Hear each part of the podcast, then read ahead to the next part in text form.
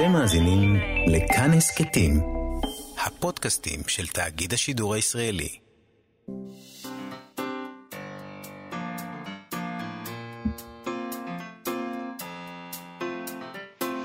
מה שכרוך עם יובל אביבי ומה יעשה לה. שלום, שבוע טוב, צהריים טובים, אנחנו יובל אביב ומה יעשה לה, מה שכרוך בכאן תרבות. אנחנו שמחים שהצטרפתם אלינו, אנחנו ב-104.9, 105.3 FM, גם באפליקציה וגם באתר של כאן, איתנו באולפן. אבי שמאי ואמיר צוברי שעושים איתנו את התוכנית, וגם מה יעשה לה, שלום. שלום יובל, uh, תשמע על מה נדבר היום. חלק גדול מאוד מהספר החדש של קובי ניב, שנקרא אהבה קטלנית 977, נדמה כאילו מחוק. Uh, יש שם מין סימנים כאלה שנראים, uh, אני פירשתי בהתחלה כמו צנזורה, Mm-hmm. Uh, אבל מתגלה שהם משהו אחר, uh, קצת יותר מתעתע מזה. אפילו, אפילו הספר שלו הוא סיפור אהבה. Uh, בעולם משונה ודכאני, שבו ארבעה אנשים, ככה אנחנו, זה, זה ההתחלה, זה מציג בפנינו ארבעה אנשים שגרים בדירה אחת, אסור להם לצאת. אחד מהם אפילו נולד שם. זאת אומרת, הגיבור בעצם, הוא, הוא, הוא, הוא כאילו לא מכיר משהו אחר. אולי, או שמחקו לו את הזיכרון. אולי נולד שם, אי אפשר אולי לדעת. מחקו לו את הזיכרון. אי אפשר אנחנו לדעת, לא כן. יודעים. הם לא יכולים לצאת משם, אה, יש להם אה, שלל אה, הוראות ואיסורים, על מה מותר להם לדבר, על מה אסור להם לדבר, האם מותר להם לגעת אחד בשני, לא, וכל מיני דברים כאלה. ואז באמצעות תוכי, בובת תוכי, הוא, הוא בעצם מוסר לנו את הטקסט הזה. כן. אה, זה יכול להיות שלמאזינים מה שאמרתי עכשיו נשמע מאוד מוזר, אבל אנחנו נדבר... אבל כשאתם קוראים את זה, זה עדיין מאוד מוזר. יפה. אז אנחנו נדבר עם קובי ניב על הספר החדש שלו וננסה להבין על מה מדובר כאן. אה, נדבר אחר כך עם אילי גרין, מחנות הספרים האחים גרין, הפעם לא בפינה הרגילה שלו, אה, בגלל, אה, אנחנו מדברים איתו היום אה, על ביטול שבוע הספר האלטרנטיבי, אה, שהחנות מקיימת כבר עשור, ולא לא קרה השנה. קרה, לא. לא קרה. אז אה, האמת שזה מאוד מצער. העירייה אה, הודיעה לו שהוא לא יכול לקיים את הדבר הזה. זה מראה שהעירייה חושבת אה, גבוהה גבוהה. אודות שבוע הספר האלטרנטיבי. הם כנראה חושבים שיש שם? התקהלות. כמה מותר היום בהתקהלות? כמה... שמע, אני, יכולה להגיד לך שאני כל שנה, כשאני הולכת לשבוע הספר בכיכר רבין, אני קופצת גם לשבוע הספר של. האחים גרין. עוברת הכביש, כי זה ממול. כן. ומה את לא- רואה שם? אני רואה שם תנועה. עזה. אה, כן. תנועה, אבל בודדים כאלה שבאים והולכים. אין ו- פקק. אין פקק, אין התקהלות, אה, אני לא יודעת בדיוק מה הם חושבים לעצמם, אבל הנה. אבל זה... מד- מותר 250 איש? או 500? אני חושב שהוא לגמרי לא עומד שם יודעת. בדבר הזה, וגם... אה, האם תקשיבי, אי פעם היו רוצה 250 איש ביחד בחנות הזאת של האחים גרין? אני לא חושב ש... אני רוצה להסביר לאנשים, אולי יש אנשים שלא מכירים את uh, החנות הזאת, זה מקום לא גדול. זה חדר, בין... זו חנות, קוראים לזה חנות. חנות, יובל. חדר די חנות קטנה. צפוף עם מלא ספרים, ומה שהם עושים בשבוע הספר האלטרנטיבי זה שהם מוציאים מלא מלא מלא, לא מלא, כמה דוכנים החוצה. כל פאב היום יש לו יותר אה, שולחנות בחוץ, עם הרבה מאוד אנשים יושבים נכון. עליהם. מאשר דלפקים אה, אה, או, או שולחנות עם ספרים שהם מוצאים שם. אוקיי. טוב, אנחנו נדבר איתו על זה, נבין טוב, את כל הסיפור. בואו נתחיל עם, אה, עם משהו אה, דווקא מלא חיובי, חסד. כן. מלא חסד. אה, סיפור על ספרניות בספרייה באיפסוויץ' סופולק בבריטניה, שהחליטו לקרוא ולהקליט עבור לקוחה שלהם, דוריס בוג, בת המאה ושתיים, ספר שהתגעגעה אליו מימי נעוריה. מעשה שהיה כך היה. ספרי לנו. דוריס, בת המאה ושתיים, אה, שזה גיל שתמיד גורם לי לסקרנות, אה, כי, כי האישה הזאת נמצאת בעולם הזה כל כך הרבה זמן, כן, והיא ראתה כל כך הרבה דבר, דברים. אבל לא את מלחמת ראתה- העולם הראשונה. היא ראתה את המאה ה-20, היא ראתה את רובה, אה, שהייתה מאה מזעזעת, והנה היא גם אה, מספיקה לראות את המאה ה-21, שגם לא להיט, אה, בכל עד אופן. כה. אה, והיא רואה. את הקורונה ואת הסגר, מסתבר שהיא הייתה לקוחה קבועה בספרייה באיפסוויץ', והיא פקדה אותה בעצמה במו רגליה עד לפני שנתיים, שכנראה כבר היה לה קשה, אה, אבל עדיין היא ממשיכה לשאול ספרי שמע. אה, שכנראה שולחים לה. במהלך הסגר הספרניות התקשרו אליה באופן קבוע כדי לדרוש בשלומה ולפטפט, שזה גם דבר פשוט מדהים. א- איפה מדהים. יכול להיות? איך יכול להיות? והם שמעו ממנה במהלך הפטפוט כנראה החליפו רשמים, והיא סיפרה להם על הספר הראשון שאותו היא אי פעם שאלה בס... מהספרייה כ... כנערה. היא אמרה שהספר הזה היה חשוב לה בזכות אבא שלה, שלימד אותה את חשיבותם של ספרים. אז מדובר ברומן משנת 1927 שנקרא Portrait of Claire, אבל הוא כמובן מזמן לא נמצא בחנויות או בספריות. אה, אז הספרניות ששמעו ממנה שבעצם אם היא הייתה יכולה, הייתה רוצה לשמוע את הספר הזה, מצאו את הספר אונליין, בכל זאת קיים בעולם, רכשו אותו. Uh, ועכשיו הן uh, מקריאות את כל 873 העמודים שבו, כדי שיהיה לה ספר שמע, מקליטות לה את זה בעצם. הספר הראשון אי פעם שהיא לקחה מהספרייה כנערה הוא ספר בן כמעט 900 עמודים. כן. זה... פעם, אנשים נגיד... פשוט, זה לא, לא היה עניין. לא, אבל נגיד את היית הולכת בתור נערה בת 13, או לא יודע בת כמה הייתה, אה, לספרייה. היית דבר ראשון מתבייתת על ספר שיותר עבה מהראש שלך? נשים קטנות הוא גם ספר עבה. 900 עמודים? לא 900 אולי, אבל... טוב. מנהל הספרייה אמר שזה מחמם את הלב להיות מסוגלים לעזור כך. ראש שירותי הספריות בסופולק אמרה, הלב שלי עומד להתפקע. זה כל כך נפלא שהם מצאו את הספר וקנו אותו בכספם שלהם וממעיטים בערך המעשה שהם עשו. הם חושבים שזה לא עניין גדול, זה פשוט מה שהן עושות. אה, היא אמרה שמדובר ברומן שהוא במידה רבה שייך לזמנו, והיא, בהשראת המעשה של הספרניות, קנתה לדוריס גם עותק מהסרט שצולם על פי הספר בשנת 1950. אז אה, אם דוריס בת 102, חישוב קלוקל של אנשי ספרות אומר שהיא נולדה ב-1918, כלומר, בשנת 1927, אז הרומן הזה, הפורטרט של קלר ראה אור, היא הייתה בת תשע. נכון. אה, הוא, הספר הזה, הפורטרט של קלר, נכתב על ידי פרנסיס ברט יאנג. הוא נולד בשנת 1884, הוא מת בשנת 1954, הוא היה סופר, משורר, מחזאי ומלחין אנגלי, והיה גם רופא. Uh, במהלך שירותו הצבאי במלחמת העולם הראשונה הוא נפצע, כבר לא היה יכול לעסוק ברפואה, ומכיוון שכך הוא החליט להקדיש את עצמו לכתיבה. בשנת 1920 הוא עבר עם אשתו לחיות בכפרי. שם הם גרו כעשר שנים, אחר כך איטליה נעשתה פשיסטית, אז הם כבר לא היו יכולים לנסוע אליה. בשנת 1944, לקראת סוף המלחמה, הוא פרסם שיר אפי בשם The Island, שבו תיאר את ההיסטוריה של בריטניה מתקופת הברונזה ועד לקרב על הבריטניה, אה, המערכה האווירית של חיל האוויר הגרמני לבין חיל האוויר הבריטי בשנת 1940. כל המהדורה הראשונה של השיר האפי הזה, שמנתה 23,500 עותקים, נמכרה מיד, למרות שזה היה בזמן מלחמה. זאת אומרת, זה העניין. בקיצור, הוא היה דמות מוכרת למדי בזמנו, אה, בזמנם, ודווקא בו היא נזכרת עכשיו, וזה יפה, בזמן שכולנו גם כן במערכה משל עצמנו. אני, אני, באמת, יובל, בוא, בוא, רק חסר שתשווה את זה לשואה, את המצב שלנו, אה, וזה לא, פשוט יהיה... לא, לא, אני ממש בחייך. עצרתי, אני עצרתי לא בזמן. עצרת, יכולת לעצור משפט אחד קודם. עצרתי בזמן, ואת לקחת אותנו אל גודווין. טוב, אה, כמו שאומר גון בן ארי בשיר החדש שלו, אה, צמרמורות מחכות לנו שנאסוף אותן. אה, שכח להגיד, ואז יובל בא ודורך על זה.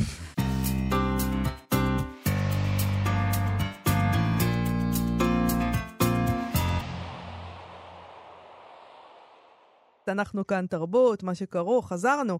הגיבור של אהבה קטלנית 977, ספר שיצא בהוצאת פרדס, הוא בן 44, הוא מעולם לא היה עם אישה. הוא גר בדירה אחת עם עוד שלושה אנשים שנאסר עליהם לצאת. בכלא, נגיד, שלכאורה מגן עליהם מהקטסטרופה שבחוץ. אבל, אבל, אבל כבר מההתחלה ברור ש... זאת אומרת, ברור מהמשפטים הראשונים, לא מדובר פה בגן עדן, מדובר פה באמצעי שליטה אכזרי.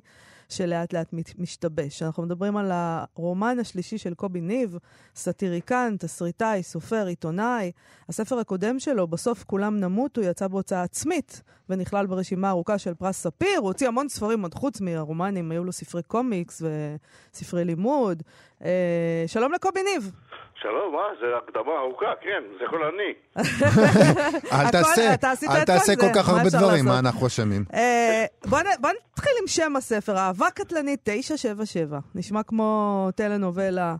או משהו מהסוג הזה. קומיקס אולי, אהבה קטלנית 977. לא, האמת שזה, קודם כל, אני פעם הייתי אומר לתלמידים שלי, כשלימדתי קולנוע, תסריטאות. נכון. אז אמר, דיבר, הייתי מדבר על שמות של סרטים, אז אמרתי שבחינה סטריאוטיפית גנרית, אם אתה רוצה שגם נשים וגם גברים ילכו לסרטים שלך, אז תקרא לזה אהבה קטלנית.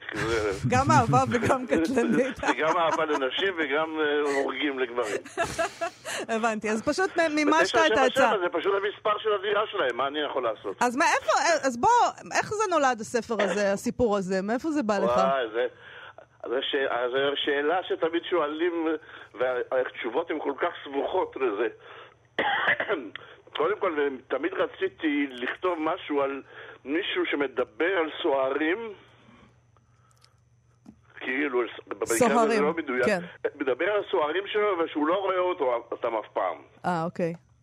ולפני כמה, ש... לא יודע, שנה, לא יודע, תקופה, קראתי בביוגרפיה, או מישהו אמר לי על הביוגרפיה של אה, אה, נשיא ראש ממשלת אורוגוואי שהיה פעם בפמרוס והיה אסיר, ואחרי זה זה שנוסע בפולקסווגן אה, כן. בחיפושית, כן.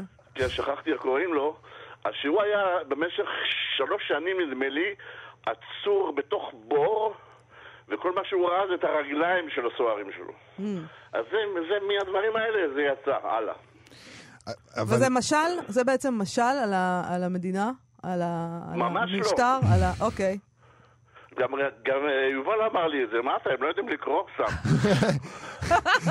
לא, כי אתה יודע, אנחנו חושבים על זה ש...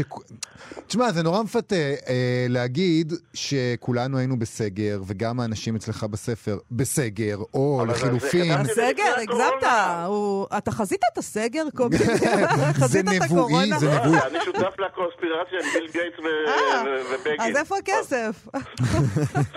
לא, אבל, אבל זה כן אה, אה, סוג של אה, משטרת לא, מחשבות, תשמע, נקרא לזה. לכם- אני אגיד לכם משהו, ותיעלבו, אבל אני אצטט את זה, את עמוס רושי, הפעם אמר לי, בדי, יצאנו, היינו אוכלים צהריים לפעמים באוניברסיטת בן גוריון, שלימדתי שם, אה, שהמבקרים הישראלים אומרים, אני כותב ספר אז ילד, סיפור על ילד שאבא שלו לא רוצה לתת לו- לא רוצה לתת לו כסף, אז ישר בביקורת אומרים, אה, האבא זה הממשלה, והילד זה קפיטליזם, ש"ס. מרקסיזם.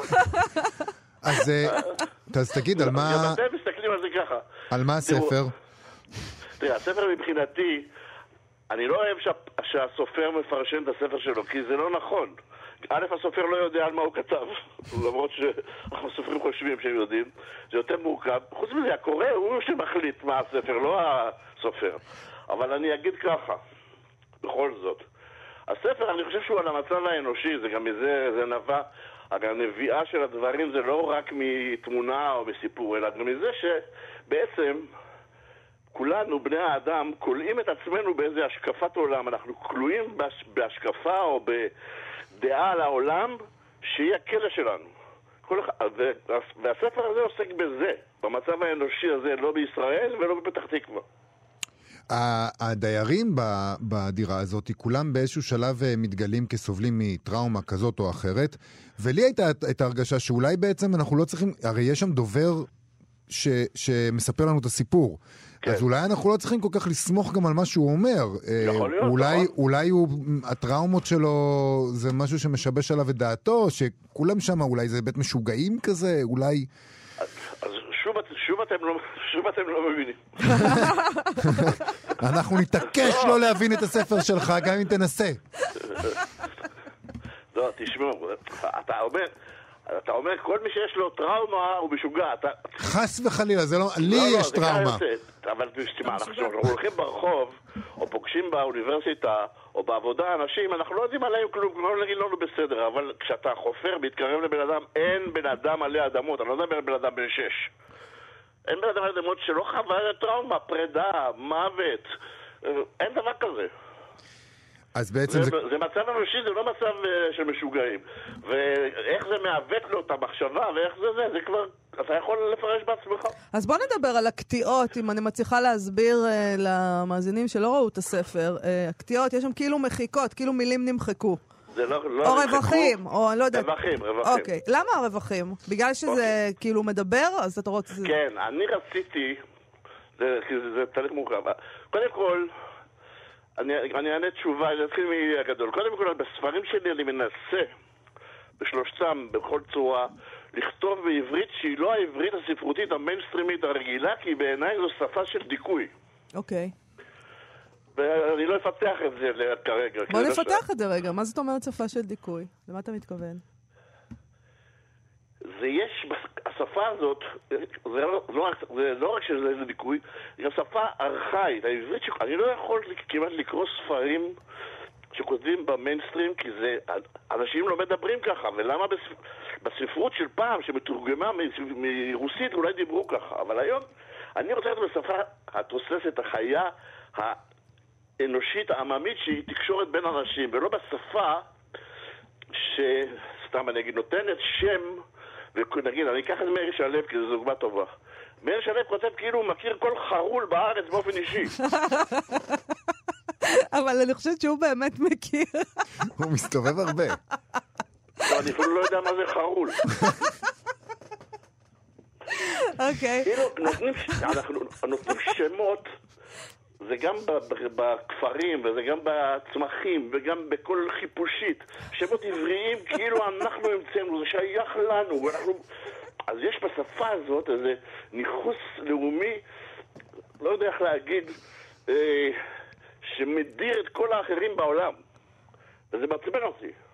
אז האם זאת הסיבה, אני עוברת עכשיו למשהו שהוא מחוץ לספר עצמו, מבחינת התוכן, אה, האם זאת הסיבה שאת הספר הקודם שלך בעצם הוצאת בהוצאה עצמית? לא, הוצאתי באותה עצמית, כי אף אחד לא רצה להוציא אותו, בדיוק. כמו שאני כתבתי אותו. אז האם זו הסיבה לזה שאף אחד לא רצה להוציא אותו בעצם? אני לא יודע. תשמעי, אז בואו בוא נדבר על השפה. הרי אתה לא אדם אלמוני שהגיע פתאום ולא רוצים אז להוציא לא, אותו, אבל אז... השפה... בספר הקודם, מה שהפריע לאנשים, אז אוקיי, אז השפה זה לא רק הדיכוי. אני חושב שספרות, תראה, מסתכלים על הקולנוע, סתם, דוגמה, משהו מקביל. היום בסרט יכול להיות באמצע אנימציה, וזמנים שהולכים ומשתנים וקופצים קדימה ואחורה, ובאמצע פתאום שחור, ורק שומעים, כל מיני דברים כאלה שבספרות כאילו לא מרשים לעצמנו את זה. נכון. למה לא? לא מרשים להשתעשע. נייר יכול להיות ספרות. כן. אז יכול להיות שהסופרים שלנו והסופרות פחות אה, מעוניינים בלהשתעשע. גם לא, לא מצחיקים אנשים- כל כך בדרך כלל. אני בספר הקודם היה, יש קפיצות כאילו בזמן, שהן לא אחורה וקדימה, שהן לא בעייתיות, בכלל לא נראה לי. כמו שבקולנוע, כולנו רואים קולנוע כזה וזה לא מפריע לאף אחד. כן. אבל אנשים שקוראים את זה, ואמרו לי, עורכים ספרותיים, זה קשה נורא להבין, זה מוזר לי. אבל גם בספר הזה יש קפיצות קדימה ואחורה, ויש נכון. מחיקת זיכרון, חזרה נכון, רגע, קצת אני על... אדבר רגע על הרווחים. אה, נכון, לא אמרנו מה עם לא הרווחים. לשאלה. עוד לא ענית. אנחנו לא מפריע לנו, אנחנו היה מעניין מספיק גם בלי. זה. לא. הרווחים היו בגלל שזה בעצם סטנוגרמה, הספר הוא סטנוגרמה של, של אה, הקלטה, או של הקלטות. כן. ואני רציתי, כשהבן אדם מדבר, יש לו, בייחוד במצב כזה שהוא הוא מדבר מתוך לחץ, במחבור, שהוא לא יודע אם שומעים אותו, אז יש לו הפסקות אה, בדיבור, עם, אה, הדיבור שלו קטוע. ומה שאני עשיתי, לא רציתי לעשות שלוש נקודות, שזה באמת לא. אחד האמצעים הנוראים כן. בספרות, או. בכלל בכתיבה. אז עשיתי רווחים. פשוט היה רווחים. אבל כשזה הגיע למו"ל והעורך, זה הסתבר שזה בעייתי לשלוט בזה, והוא הציע את המלבנים הנקודתיים האלה, וזה מאוד, עובד מאוד יפה בעיניי, וזה היה פתרון מצוין. זהו. אז תשמע, אני לא רוצה לעשות ספוילרים, אבל רק נגיד שמה שמתחיל, כ... אני, אני אגיד את זה למרות שמאיה... מה שמתחיל אה, כדיסטופיה, מתגלה כרומן רומנטי. כן, לא. כי הכל דיסטופיה אצל בעיניי. יובל זה דיסטופיה. אתה מראה לא, לי את מרי פופינס, אני אמצא לשם סימנים של דיסטופיה, אין בעיה, הכל בסדר. זה נגמר רע. נכון, זה נגמר. אז, אז הספר הוא רומן רומנטי שלא בהכרח, אה, יש שם אהבה והכל... אהבה קטלנית. ר- רומנטיקה. לא, טוב, אה, זה ספוילר, לא יודע, כמה קוראים, כמה ששומעים יש לספר? מלא, המון. מאות כן, אלפים.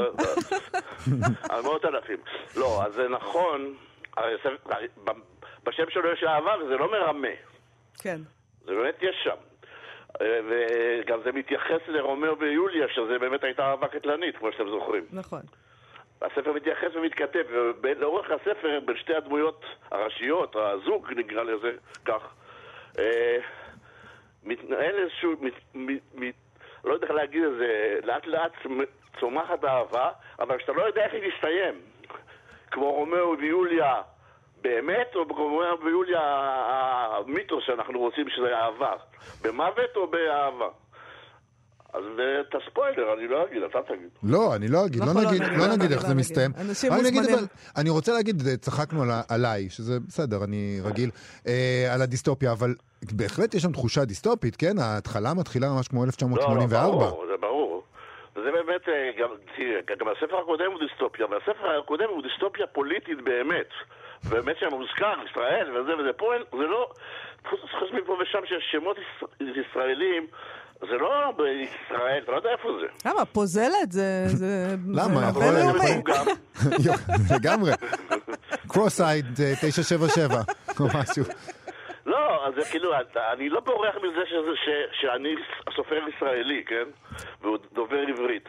אבל זה לא בהכרח ב- בישראל, זה, בכל, זה הרי מקום שאתה לא יודע איפה הוא. נכון.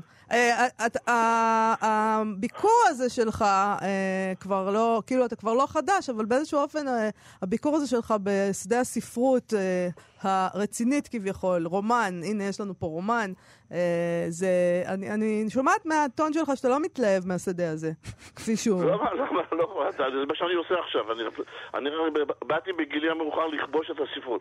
לא, אבל אני, למה לא, זה, שהספרות, אה, אני יודע שקיימת, המיינסטרים שלה לא מוצא בעיניי, זה לא אומר שאני לא רוצה לכתוב ספרות. אני רק מגדיר ספרות טיפה אחרת מההגדרות בוא נגיד, אני אלך אחורה. רגע, נעשה rewind. בהקלטה. כן. ואני אשלב בין, מש... בין התשובה לבין בין הספר. אוקיי. יש... הזוג הזה והאהבה שלהם בספר הם אופוזיציה למשטר שבו הם חיים. לא משטר ישראלי, המשטר שבדירה שלהם, ב-977. החיים שם הם נעימים, ויש הכל, מה שצריך, רק חירות אין. כן. וגם אהבה אסורה. וה- והם, הם, אני אגיד יותר מה שהאהבה שלהם, התשוקה שלהם זה לזו, או זו לזה יותר, היא אופוזיציה למשטר. וגם, אני חושב שאני בן אדם וגם סופר אופוזיציוני. הספרות צריכה להיות, האומנות צריכה להיות אופוזיציה למשטר, לא לביבי או לגנץ, אלא למשטר, לסדר הקיים.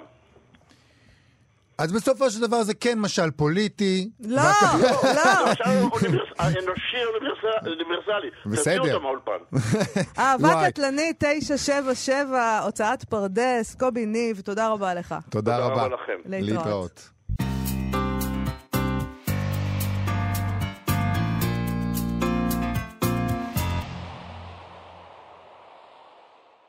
אנחנו יובל אביב ומאי סלע, מה שכרוך בכאן תרבות, חזרנו אליכם. אנחנו גם עם אילי גרין, מחנות הספרים המשומשים האחים גרין. היא יושבת בסמוך לכיכר רבין. בעשור האחרון מדי שנה היא מקיימת את שבוע הספר האלטרנטיבי, כשיש את שבוע הספר בכיכר רבין. מין תגובת נגד כזאת נקרא לזה. זה לא באמת תגובת נגד, זה ניסיון להציע משהו אחר ממה שמתחולל בדוכנים שבכיכר. אה, ושבוע הספר האלטרנטיבי היה אמור להתקיים בסוף השבוע האחרון, שהסתיים ממש אה, זה עתה, אבל זה לא קרה. שלום אילי גרין, שלום. מה קרה? קורונה. כן, אתה יודע, אבל הקורונה קרתה. תספר לנו קצת על שבוע הספר האלטרנטיבי. מה זה, זה דבר שאתה צריך אה, לקבל אישור מהעירייה בשביל להוציא שני שולחנות החוצה או מה? כן. אה, בעצם אה, התשובה שלהם זה שכל עסק זה, אה, צריך לקבל אישור, זה נקרא אישור להצבת דוכנים אה, מחוץ לחנות. אה, אני רק אגיד שהאירוע שלנו הוא משלים את שבוע הספר אה, הממסדי. אנחנו בעצם נותנים מענה לכל אלה שאין להם מקום בשבוע הספר בכיכר רבין, כל מיני הוצאות קטנות, משוררים, סופרים אה, עצמאיים. אה, בגלל שכל כך יקר לשכור דוכנים בשבוע הספר בכיכר רבין, אנחנו בעצם נותנים להם להציב את הספרים שלהם בחינם. בחינם, אתה מוציא שולחנות, ואנשים באים עם הספרים שלהם, ואתה נותן להם לשים את זה שם, נכון? זה אפילו... נכון. אתה לא, נכון. אתה לא מתחלק איתם ברווחים שלהם, נכון? אני לוקח נטו את המיסים. אני לא לוקח שום רווח אוקיי. לעצמי, רק את המיסים. וכמה אה, אנשים מבקרים באירוע הזה בדרך כלל? בדרך כלל אנחנו עושים את זה ב-11 ימים, לאורך כל הימים ששבוע הספר מתקיים, זה מבקרים אה, אלפים אה, במצטבר. טיפין טיפין, אף פעם אין יותר מ-20 אנשים ביחד שנמצאים סביב דוכנים אצלנו. כן. אז תסביר לי מה הבעיה, כי אני הבנתי שהעירייה דווקא תומכת בהצבת אה, אה, שולחנות מחוץ לבתי עסק, כיוון שעדיף לשבת בחוץ. רק לבתי קפה ומסעדה, אני מבין. אבל... אתה יכול לבקש אישור ולמכור גם בירות, ואז זה יהיה בר בעצם. ואז הם יתקשרו. אני דיברתי עם כל גורם אפשרי בעירייה, שעות של המתנות, מיילים שיחזרו אליי. בסופו של דבר כולם אמרו לי קורונה, קורונה, קורונה.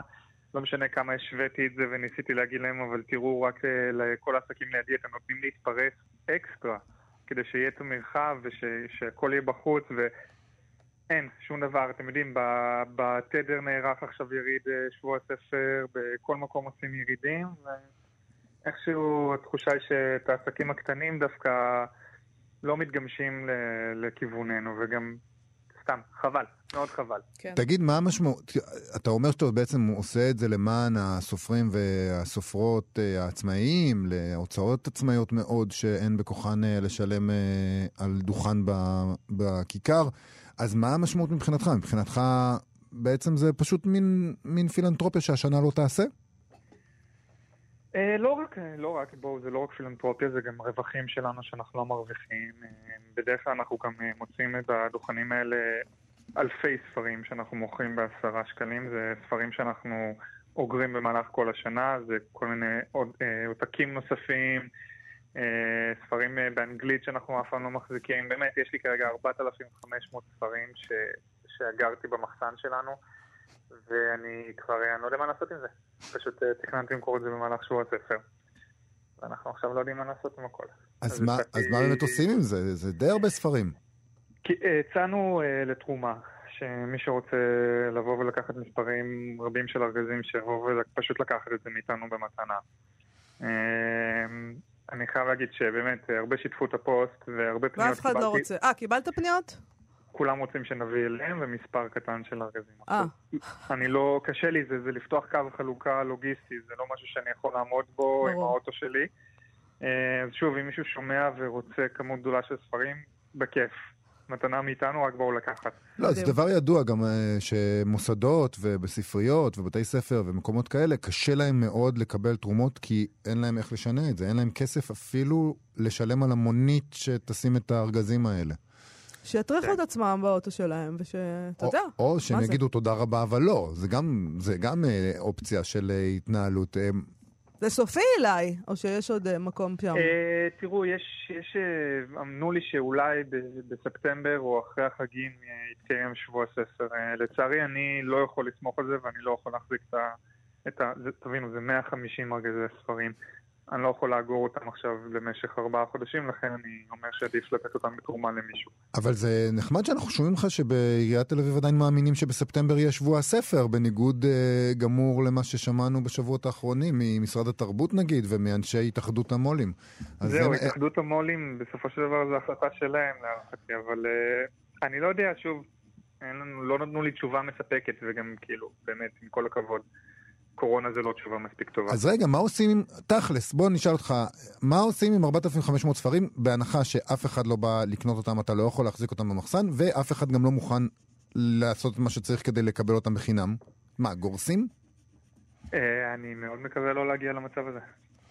מאוד מאוד מקווה, אני כבר פניתי לכמה וכמה חנויות ספרים אה, וקולגות, לשאול אם הם יכולים אה, להיערך לקליטה של כמות כל, כל כך גדולה. אה, יש קולגה אחד שהסכים לקבל ספרים, אבל הוא אמר לי בתנאי שאתה ממיין את זה והוא נותן לי ז'אנר מאוד ספציפי. אה, כרגע אני בלי פתרון. מדהים. זה עולם כזה שאומרים לך בתנאי שאתה ממיין את זה.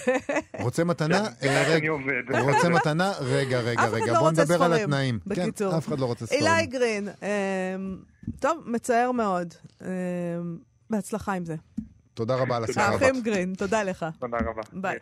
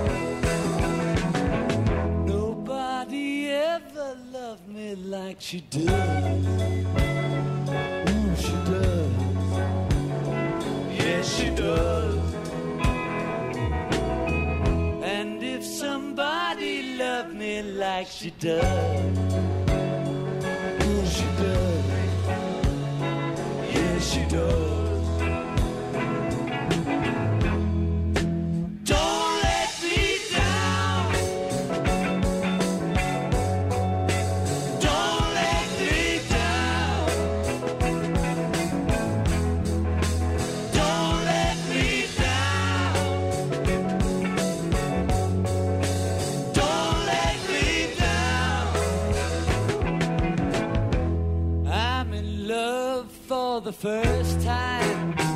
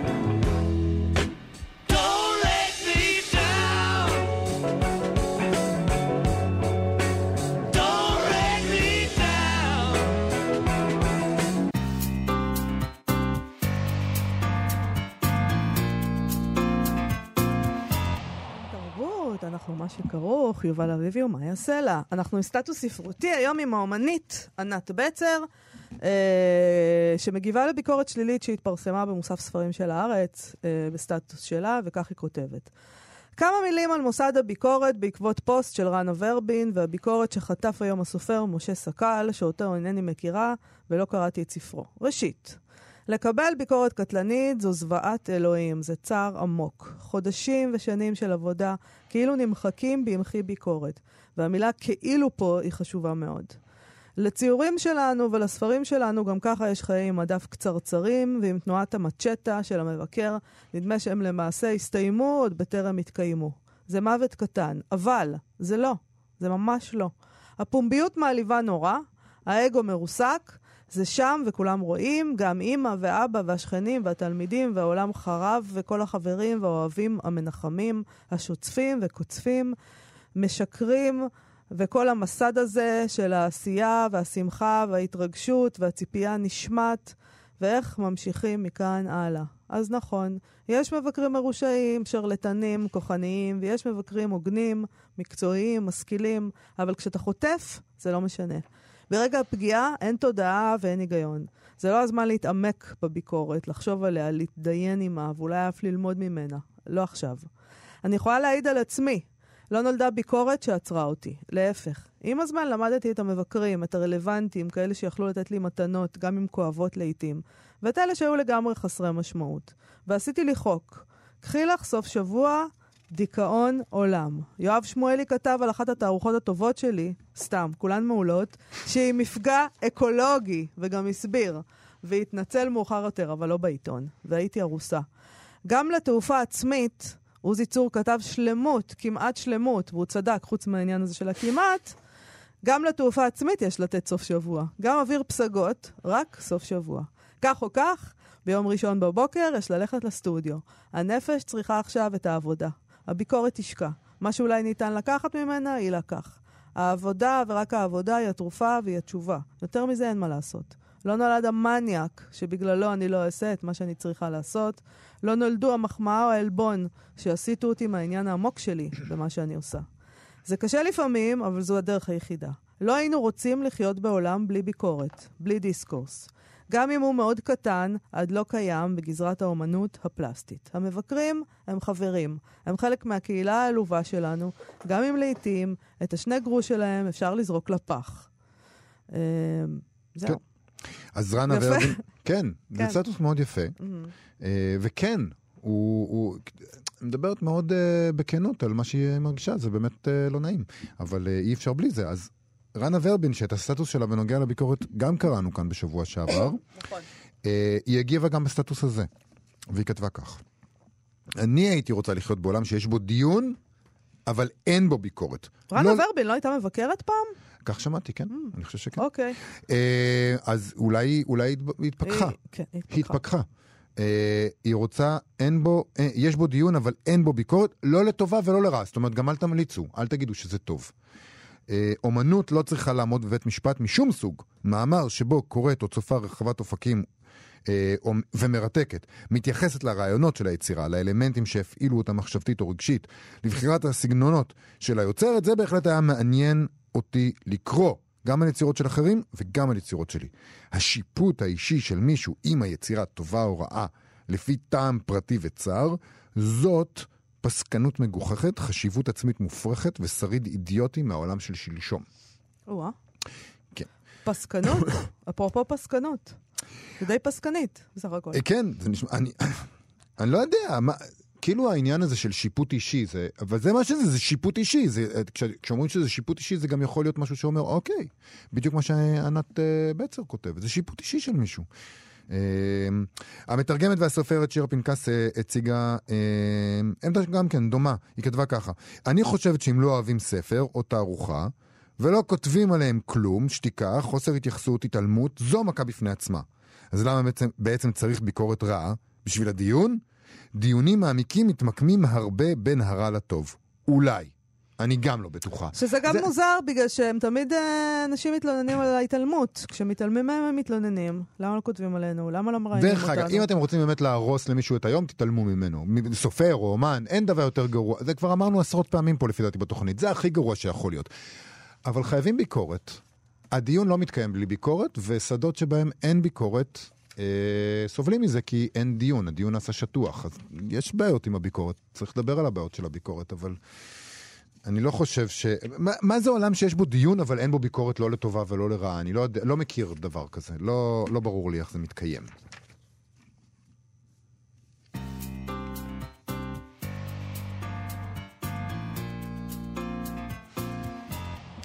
אז גם uh, פינת גנזים שלנו היום נקדיש לביקורת. בשנת 1988 פנה עיתון מעריב למספר יוצרים ויוצרות ושאל אותם, מי צריך ביקורת ספרות? אז הנה כמה תשובות.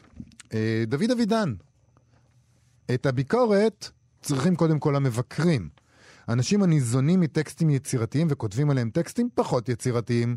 ישנן ביקורות הנשענות על ידע או מחקר, והן לפעמים, לפ... לעיתים בהחלט מעניינות וקולעות, אך מרבית הביקורות הן סתם פליטה, עם או בלי פה. גם אם הן משתרכות על אלפי מילים. ככלל, יש לביקורת אפקט מצטבר של יצירת תדמית לסופר וליצירה. מעמד הסופר תלוי במידה לא מועטה בהתייחסות הביקורת אליו. אך מעמדו מותנה גם ובעיקר במעשה היצירה עצמה. הנכון הוא להפר חוקים וליצור חדשים, לאלץ את הביקורת אה, לשנות את הנורמות שלה ולעבור את הקורסים שהיוצר מציע, להשפיע עליה ולא להיות מושפע ממנה.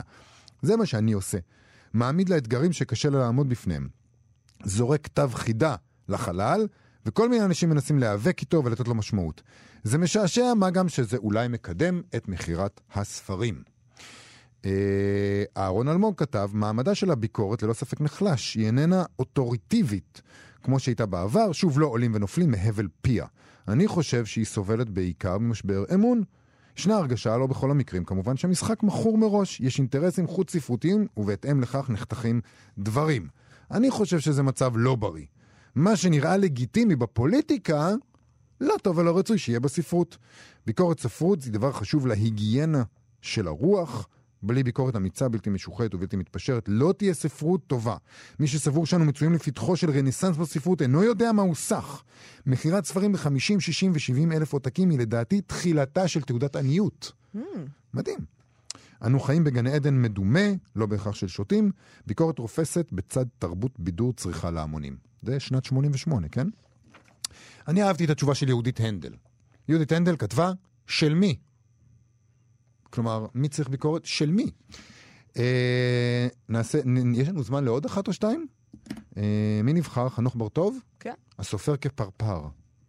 חיים עזז אמר באחד מראיונותיו האחרונים, המבקר מתאר לו את הסופר כמין פרפר, שאינו מבין כלום בידיעת הטבע. רק הוא מבין בידיעת הטבע. הוא מבין מהו פרפר. הסופר אינו יודע שהוא פרפר. הייתי נותן כיום עשרה פרופסורים בעד דוד פרישמן אחד. אילו היה פרישמן חי, היה פוסק כל הלעג הזה שכיום רווח אצלנו בספרות, בביקורת ובציבור. כך אמר עזז, למ... זה, זה עכשיו חנוך בר-טוב אומר, למרות כל הדברים האלה שאני מסכים אה, איתם, יש גם מבקרים שאני אוהב לקרוא. בקיצור, הם לא אוהבים את הביקורת. נכון. אז שבועיים אחרי הדבר הזה, אה, אני, אני חייבת לומר, התשובות של החברים פה, הסופרים והסופרות, קצת אכזבו אותי. כן. אה, לא כי הם לא מה שאני חושבת, אלא הם, הם, הם, הם לא מעניינים. זה שטחי מאוד. אנשים לא מעניינים, שזה מד- מדכא. אך, שבועיים לאחר מכן התייחס לסוגיה המבקר אמנון נבות. והנה, אם אתם רוצים לשמוע למה צריך ביקורת, אז לפחות, הנה אדם שיודע לכתוב טקסטים מעניינים. אה, באותו עיתון הוא כתב, אה, בתגובה על השאלה, תאונת החידות, מי צריך ביקורת ספרות, נקבצו ובאו אל מוסף זה סופרים אחדים שהשיבו תשובות שונות ומשונות. עיינתי בהן בתמיהה, קצת בהשתוממות והרבה בכעס משועשע. שבתי ועיינתי עד שהבינותי שקרואי המשאל תפסו את העניין כולו כשעשוע חביב. כאילו נשאלו נהגים, מי צריך משטרת תנועה? מן הסתם קל להגיע למסקנה שמשטרת תנועה היא דבר חיוני, בעוד שנהגי הספרות מעדיפים לנהוג בדרכיה ללא אימתם של דוחות התנועה. והואיל ונעדרו מן המשאל בעלי דבר, וזכות התשובה הוענקה לבעלי עניין בלבד, במובן המקובל בדיני חברות, והואיל ואני מוחזק בעיני עצמי כבעל דבר, מן הראוי שתירשם ברשומות הערת הבהרה שתתבסס על שתי קביעות מרחיקות לכת. א', ביקורת ספרות נהייתה, ככל הנראה, לעניין מיותר לחלוטין. ב', אף בהיותה מיותרת, ביקורת ספרות עדיין איננה רכוש נטוש. אני מת על שני הסעיפים האלה ביחד. אני מת על זה. ייתכן שביקורת ספרות היא דבר מיותר, מפני שמעטים קוראים בה ברצ... ברצינות ראויה, וקבוצת ההתייחסות שלה נעלמה כמעט לחלוטין. אין לה כיום קהל קוראים מסורתי מן הסוג שליווה בשקידה את קורצווייל. למען האמת, גם הסופרים חדלו להתייחס אליה במידה כלשהי של רצינות מהותית, וכמעט שאין כיום בנמצא סופר שהתייחס בכל מאודו לטיעוניה או התמודד עמם לעומקם. ובאשר לקביעה ב', גם ביקורת ספרות מובסת על ידי תקשורת שהמאירה את הספרות. עדיין איננה הפקר, ומן הראוי היה לנהוג בה מידה של דיוק וכבוד, שכמותה לא מצאתי בתשובות הסופרים. כך, למשל, החליפו בטעות כמה מקרואי המשאל ספרות בסופרים. ביקורת היא ביקורת הספרות, ולא דיאלוג עם סופרים. הסופר איננו מושאה, על כל פנים לא בדרך שאני מבין זאת. שכן היא מכוונת תמיד לספרות כקוליות, הגדולה ממידותיו של סופר יחיד, ולספרות בלבד. אה, הוא מדבר- על זה שביקורת ספרות, אנשים אה, רואים בה, טועים לראות בה מעין משרד תיווך להפגשת הסופר או היצירה עם קהל הקוראים המיידי, אבל אה, מבחינתו כמובן שזה לא התפקיד שלה. אה, אני אקרא, כי אין לנו זמן, אבל אני חייבת לקרוא את, הסו, את כמה פסקאות אחרונות. למרות הכל, ביקור... ו- והוא הוא יורד כאן כמובן, אי אפשר אה, לא להגיד את זה, הוא יורד כמובן על מבקרי העיתונות, כן? הוא גם על המבקרים. אה, כי הרי זאת בעיה שהרמה של המבקרים מאוד נמוכה, זה נכון.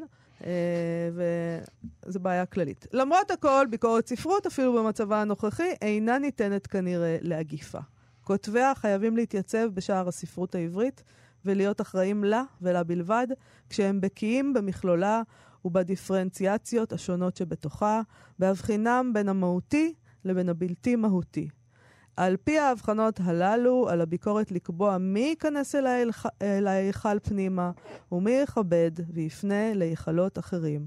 מי ישב עם ברנר וברדיצ'בסקי וגנסין ועגנון ושופמן ופוגל וביאליק ואמיר גלבוע, ומי בקיטון צדדי עם נחמה פוחצ'בסקי.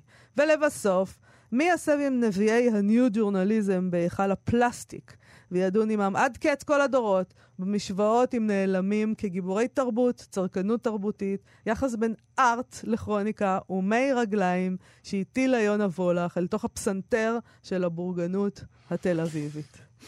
לנגד עיניהם של שומרי שעריה של הספרות העברית אין לא שחוק ולא שעשועים, ולא דוחות מכירה, ולא יחסי ציבור, ולא מטאפורות תקשורת רלוונטיות, ולא אזכורים בתורי הרכילות, ולא מעמד הסופר בקהילה האקדמית, ולא מובנותה, במרכאות, או אי מובנותה של היצירה, על פי אמות המידה של קהל הקוראים המיידי. עליה לקבוע מי ממלא תפקיד ממשי בגוף החי של הספרות העברית, ומי איננו ממלא תפקיד. התקשורת, לעומת זאת, תתעסק על פי מהותה במי שיש בו עניין ציבורי, ומי שמספק את תביעות תרבות הפנאי. ממילא אני נוהגת על פי קריטריון הערך, שהרי לפעמים יש ערך דווקא למי שאין בו עניין ציבורי. אך מה לתקשורת ולדקדוקים אלה? ביקורת ותקשורת הן שתי רשויות נפרדות, ואוי לשתיהן אם קו הגבול ביניהן יטושטש ויימחק. מעורר געגועים אה. לעניין הזה. לכל מיני דברים. אבל לא אנחנו צריכים. לסיים ולכן לא אוקיי. נרחיב. אוקיי, אז uh, תודה רבה לתמיר צוברי ואבי שמאי שעשו איתנו את התוכנית. אנחנו מזמינים אתכם כמובן, כמו כל יום, לבקר בעמוד הפייסבוק שלנו, מה שכרוך עם יובל אביבי ומאיה סלע, וגם מזמינים אתכם לעמוד הפייסבוק של כאן תרבות. אחרינו, המעבדה עם גיל מרקוביץ', היום פרופסור יוני דובי יסביר מהי אנרגיה, מהם מעברי אנרגיה, מה, מה זה תזוזה של אלקטרונים, מה הולך קשור, שם? אולי זה קשור לביקורת הספרות העניין הזה. מהי אנרגיה ומהם מעברי אנרגיה? לא, זה לא קשור לביקורת הספרות בכלל. רוד סטיוארט, שלום. להתראות. אתם מאזינים לכאן הסכתים, הפודקאסטים של תאגיד השידור הישראלי.